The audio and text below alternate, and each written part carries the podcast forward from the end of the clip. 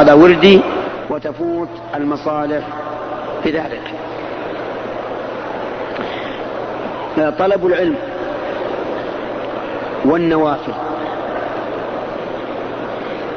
إنسان له عادة يصلي بعد بين المغرب والعشاء ما شاء الله من الصلوات النوافل. فأتيح له أن يحضر مجلس علم ينتفع به وينفع غيره بعد ذلك. فهل يبقى للصلاة النوافل أو يحضر مجلس العلم؟ أيهما أفضل؟ نعم. مجلس العلم أفضل من النوافل لأن النوافل منفعتها خاصة وطلب العلم عامة له ولغيره إذا وفقه الله لنشر العلم الذي علمه فمثل هذه القاعدة ينبغي للإنسان مراعاتها. أما الواجبات فهي في مكانها لا يمكن أن أن تغير عن الوجه الذي فرضه الله عليه لكن النوافل أحيانا تتفاضل وعند التساوي يرجع في كل شيء إلى أصله. طيب. من الأمور التي ينبغي للإنسان أن يحافظ عليها من النوافل الرواتب التابعة للفرائض. الرواتب التابعة للفرائض ونحن عنها الأخ الأخ. ما هي الرواتب التابعة للفرائض؟ لا الشاب.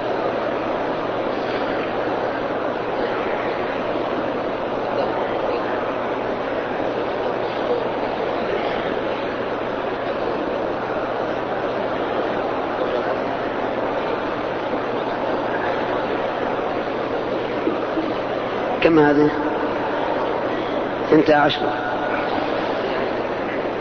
لا ثنتا عشرة أنت قلت ركعتان قبل الفجر وركعتان قبل الظهر وركعتان بعدها وركعتان قبل العصر وركعتان بعد المغرب وركعتان بعد العشاء.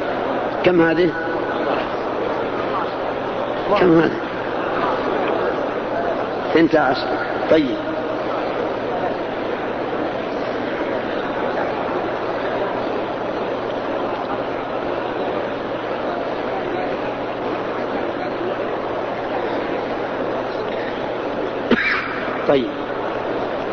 الجواب من, الثاني يقول ركعتان قبل الفجر وأربع ركعات قبل الظهر وركعتان بعدها وركعتان بعد المغرب وركعتان بعد العشاء وأسقط ركعتين قبل العصر.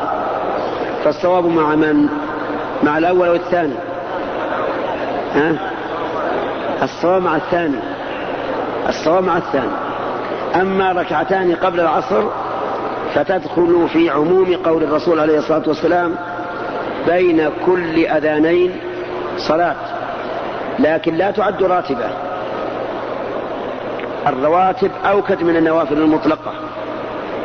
ولهذا جاء في الحديث صلوا قبل المغرب صلوا قبل المغرب صلوا قبل المغرب. ثم قال في الثالثة لمن شاء كراهية أن يتخذها الناس سنة أي سنة راتبة. فالنوافل تختلف بعضها راتب وبعضها غير راتب. إذا نحافظ على ثنتي عشرة ركعة. ركعتان قبل الفجر وأربع ركعات قبل الظهر بسلامين وركعتين وركعتان بعدها وركعتان بعد المغرب وركعتان بعد العشاء. تمتاز ركعتا الركعتان قبل الفجر. تمتاز الركعتان قبل تمتاز الركعتان قبل الفجر بأمور. أولا أنه يسن تخفيفهما. يسن تخفيفهما. يعني لا تطيل الركوع ولا تطيل السجود ولا تطيل القيام بعد الركوع ولا القعود بعد بين السجدتين. خفف لكن مع الطمأنينة. ليس المراد التخفيف بلا طمأنينة ولكن التخفيف مع الطمأنينة. هذا واحد. ثانيا أن يقرأ فيهما بشيء معين. الرواتب غير راتبة الفجر اقرأ ما شئت. لكن راتبة الفجر اقرأ فيهما شيئا معينا. كما هذا الشيء المعين؟ إما سورة الإخلاص وهما قل يا أيها الكافرون في الأولى مع الفاتحة أو قل والله وقل هو الله أحد في الثانية مع الفاتحة.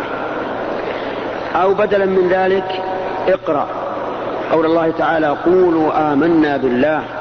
وما أنزل إلينا وما أنزل إلى إبراهيم وإسماعيل وإسحاق ويعقوب والأسباط. وما أوتي موسى وعيسى وما أوتي النبيون من ربهم لا نفرق بين أحد منهم ونحن له مسلمون. في أي سورة هذه؟ في سورة البقرة. وفي الركعة الثانية قل يا أهل الكتاب تعالوا إلى كلمة سواء بيننا وبينكم ألا نعبد إلا الله. ولا نشرك به شيئا ولا يتخذ بعضنا بعضا أربابا من دون الله فإن تولوا فقولوا اشهدوا بأننا مسلمون. ثالثا أن الركعتين أن راتبة الفجر تسن المحافظة عليهما حضرا وسفرا. تسن المحافظة عليهما حضرا وسفرا لأن النبي صلى الله عليه وآله وسلم كان يحافظ عليهما حضرا وسفرا.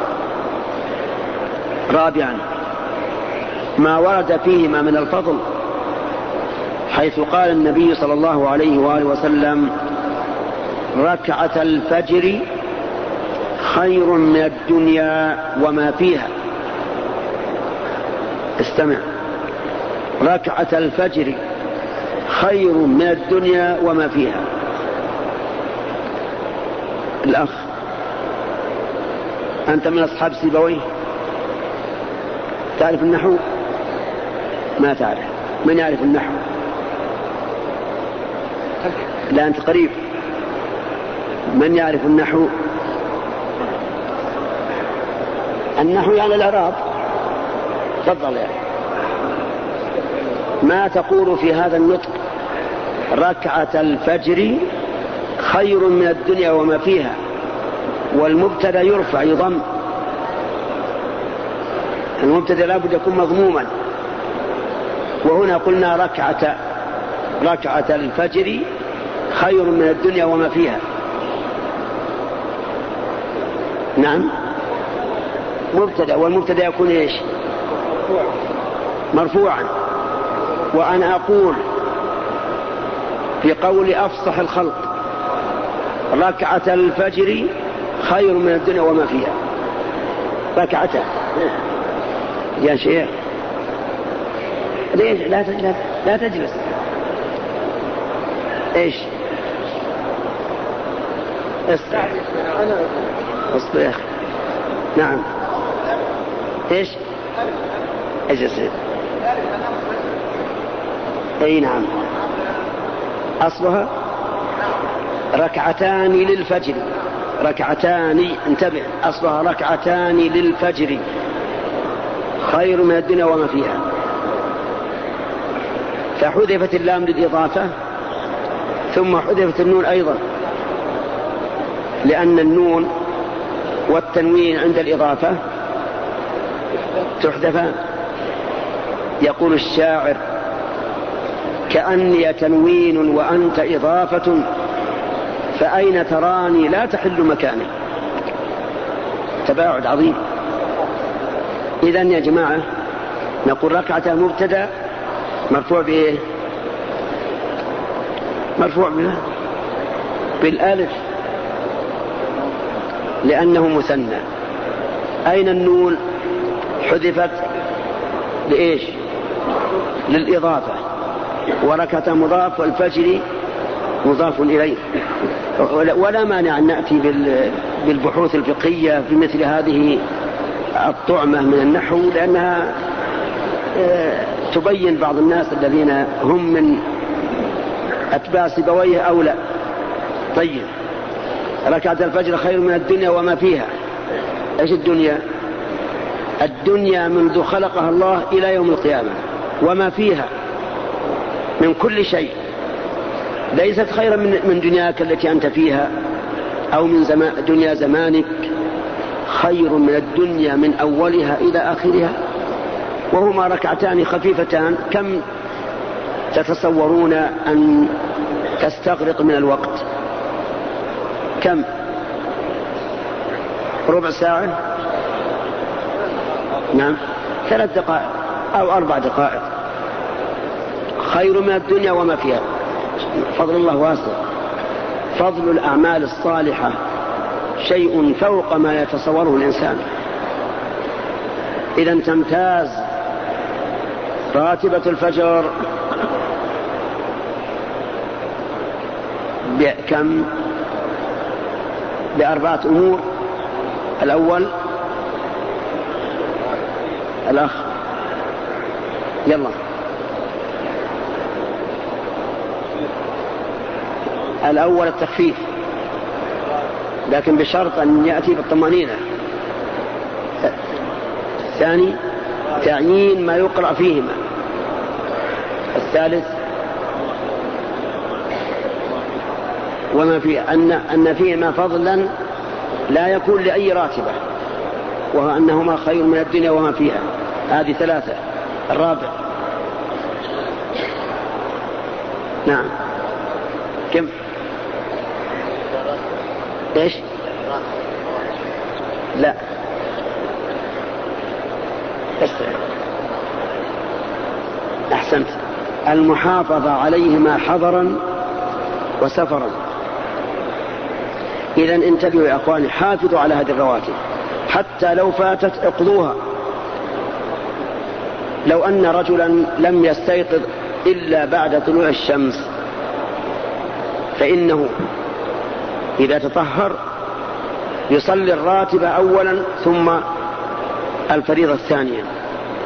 ولو أن الإنسان دخل المسجد والناس يصلون صلاة الظهر ولم يصلي الراتبة التي قبل الظهر فإنه إذا فرغ من صلاة الظهر صلى الراتبة التي بعدها ثم صلى ثم قضى الراتبة التي قبلها أربع ركعات أربع ركعات.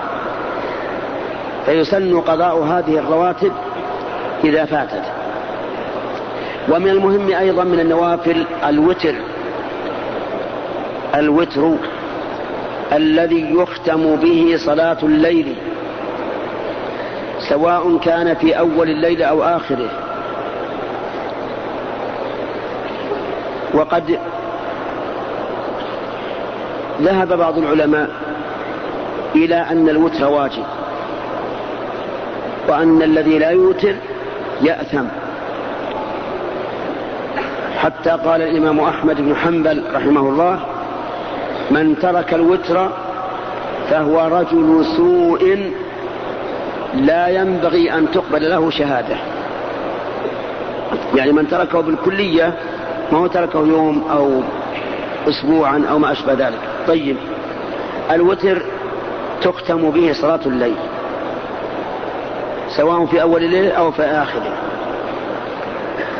وبناء على ذلك لو أن الإنسان جمع صلاة العشاء إلى المغرب لسبب يبيح الجمع فهل يوتر أو ينتظر حتى يدخل وقت العشاء؟ الجواب يوتر. يوتر حيث كان لا يريد الصلاة بعد ذلك. وقد أرشد النبي صلى الله عليه وسلم أمته إلى أن الإنسان الذي يطمع أن يقوم من آخر الليل فليجعل الوتر في آخر الليل. ومن يخشى أن لا يقوم من آخر الليل فليجعل الوتر في أول الليل فلا ينام إلا موترا. وبهذا أوصى أبا هريرة رضي الله عنه قال أوصاني خليلي صلى الله عليه وسلم بثلاث وذكر منها أن يوتر قبل أن ينام لماذا؟ لأن أبا هريرة كان رضي الله عنه يتحفظ الأحاديث في أول الليل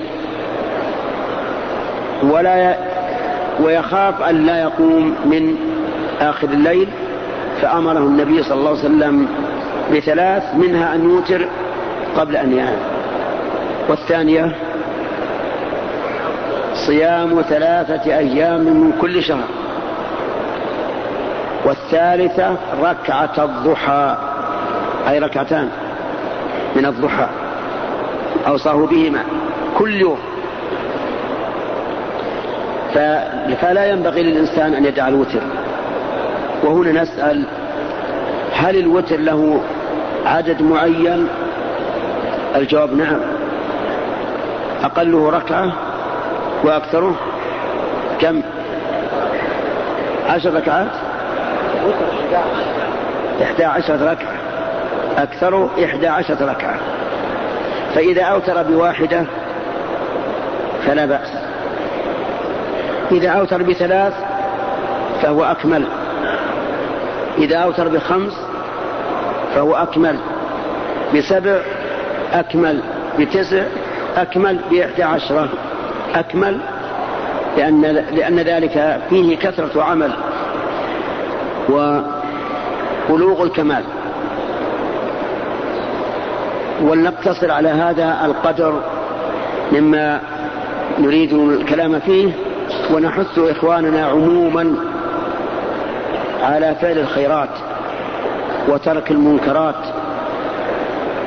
والقيام ببر الوالدين وصلة الأرحام وحسن الجوار والأمر بالمعروف والنهي عن المنكر والإحسان إلى الخلق بقدر الإمكان فإن الله في حاجة العبد ما كان العبد في حاجة أخيه. والله في عون العبد ما كان العبد في عون أخيه. فاحرص يا أخي على نفع إخوانك ما استطعت. ومن المهم الذي يجب علينا جميعا أن نتجنبه. ما يقع بين الناس من الخلاف. بين طلبة العلم من الدعاة أو العلماء أو غيرهم من الخلاف والنزاع والتعصب لأحد دون أحد فإن هذا يوجب تفرق الأمة وتنازع الأمة. وإذا تنازعت الأمة وتفرقت فإن الله يقول ولا تنازعوا إيش؟ فتفشلوا وتذهب ريحكم. علينا أن نقبل الحق من أي مصدر كان. انتبه. وعلينا أن نرد الباطل من أي مصدر كان. الباطل نرده والحق نقبله. استمع إلى قول الله عز وجل وإذا فعلوا أي المشركون فاحشة أو ظلموا أنفسهم وإذا فعلوا فاحشة قالوا وجدنا عليها آباءنا والله أمرنا بها. فتعللوا قم. تعللوا بماذا؟ بماذا تعللوا إذا فعلوا الفاحشة؟ بأمرين. استرح انتبه. تعللوا بأمرين. قالوا وجدنا عليها آباءنا. والأمر الثاني والله أمرنا بها. قولهم هذا فيه حق وباطل. لا قولهم هذا فيه حق وباطل. قولهم وجدنا عليها عليها آباءنا. حق ولا باطل؟ ها؟ حق. والله أمرنا بها؟ باطل. أبطل الله الباطل وسكت عن الحق. إقرارا به أو إقرارا له. فقال قل إن الله لا يأمر بالفحشاء. قل إن الله لا يأمر بالفحشاء. إذا رد الباطل وسكت عن الحق. لأنه حق. وجاء حبر من الأحبار أي من علماء اليهود إلى النبي صلى الله عليه وآله وسلم. فقال إن نجد في التوراة أن الله يجعل السماء على إصبع والأرضين على إصبع وذكر الحديث فضحك النبي صلى الله عليه وآله وسلم تصديقا لقول الحبر وأيد ذلك بقوله تعالى وما قدر الله حق قدره والأرض جميعا قبضته يوم القيامة. والسماوات مطويات بيمينه. فقبل النبي صلى الله عليه وسلم الحق ممن من؟ اليهودي. من, من يهودي. يهودي قبل الحق الذي جاء به. بل إن الرسول صلى الله عليه وسلم أقر الحق الذي جاء من الشيطان. الشيطان أكبر عدو. فإنه جعل أبا هريرة أي النبي صلى الله عليه وسلم جعل أبا هريرة حفيظا على صدقة الفطر. وفي ليلة من الليالي جاء الشيطان فأخذ من الطعام فأمسك به أبو هريرة ليرفعه إلى الرسول صلى الله عليه وسلم. فاشتكى إليه قال إنه ذو عيال وذو حاجة فرق له أبو هريرة وتركه. ثم غدا إلى رسول الله صلى الله عليه وسلم. فقال له النبي صلى الله عليه وسلم ما فعل أسيرك البارحة؟ قال يا رسول الله إنه ادعى أنه ذو حاجة وذو عيال فتركته. قال كذبك كذبك وسيعود. يقول أبو هريرة فعلمت أنه سيعود. لقول النبي صلى الله عليه وسلم إنه سيعود. فانتظرت في الليلة الثانية فجاء وفعل كالليلة الأولى. ثم جاء أبو هريرة إلى الرسول عليه الصلاة والسلام فأخبره بالخبر فقال كذبك وسيعود. الليلة ليش الثالثة والرابعة. ما أسمع الثالثة والرابعة. كذا؟ نعم. الثالثة. فعاد في الليلة الثالثة. فأمسك